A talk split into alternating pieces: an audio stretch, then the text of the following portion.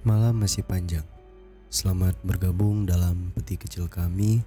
Semoga kalian masih terbangun esok hari.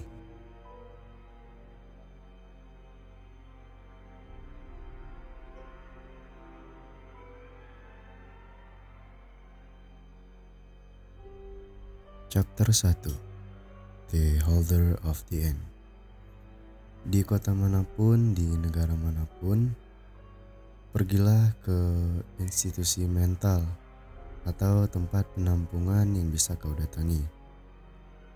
Bisa berupa rumah sakit jiwa dan yang lainnya.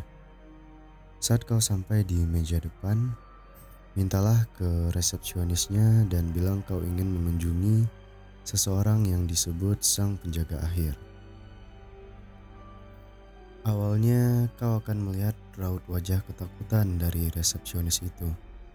Sebelum akhirnya kau dibawa ke sebuah ruangan di bangunan itu.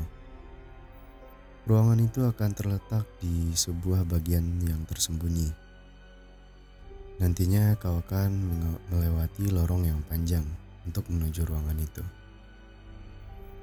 Di sepanjang lorong yang kau lewati, kau akan mendengar suara seseorang yang berbicara sendiri. Suara itu menggema seiring langkahmu mengikuti si resepsionis tadi.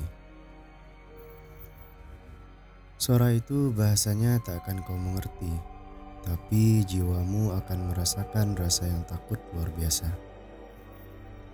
Dengarkan suara itu, dan semisal suara itu berhenti, kau juga harus berhenti dan cepatlah berkata dengan keras. Aku hanya ingin lewat, aku ingin bicara. Jika kau masih mendengar kesunyian, kaburlah. Pergi dari situ dan jangan pernah berhenti demi apa pun. Jangan pernah pulang ke rumah, jangan ke penginapan, tetaplah berlari dan tidurlah di mana tubuhmu terjatuh karena kelelahan. Kau akan tahu di pagi hari jika kau berhasil kabur.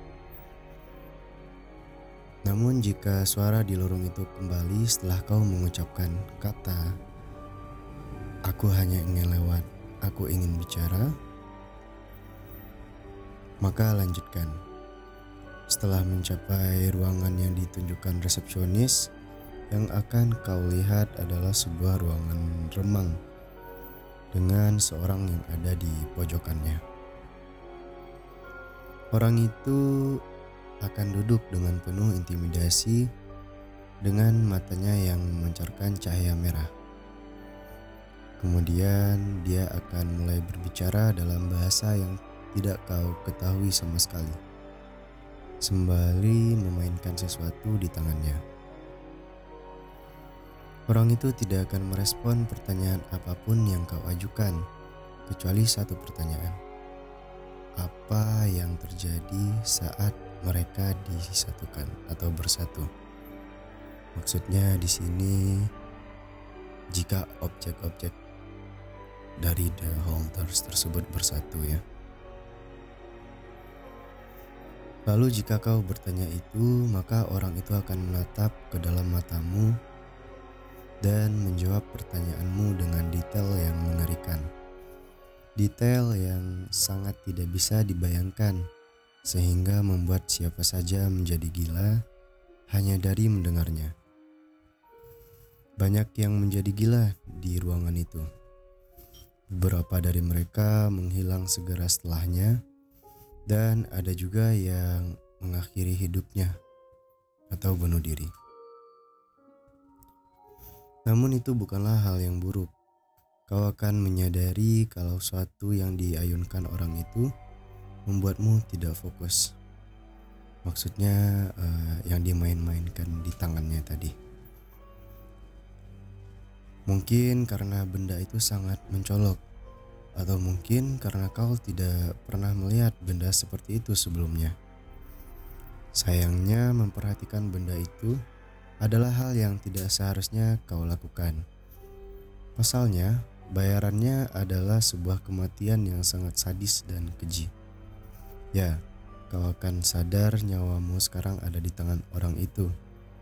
Sedetik setelah matamu mengarah ke objek yang dipegangnya. Objek itu adalah nomor satu. Objek pertama dari 538 objek lainnya. Sebuah objek tanpa bentuk dan tanpa nama, tanpa harga dan tanpa makna. Keberadaan objek itu akan mengingatkanmu jika satu objek saja dapat membuat seseorang menjadi gila atau sangat gila, apa jadinya jika semua objek menjadi satu? Mereka tidak boleh bersatu, pokoknya tidak boleh. The Holder Series by Creepypasta dan ditranslate oleh unsolvedindonesia.com Oke, jadi untuk objek pertama dari series The Holders ini itu merupakan sebuah benda ya. Namun benda ini tidak bisa didefinisikan karena dari uh, ceritanya sendiri ini objek yang tanpa bentuk dan juga tanpa nama. Jadi kita tidak bisa mendefinisikan dari bentuk objek itu sendiri. Ya, untuk para seekers, clue pertama sudah ditemukan. Jadi, kalian ingin menemukan objeknya, silakan tinggal mengikuti cerita tadi.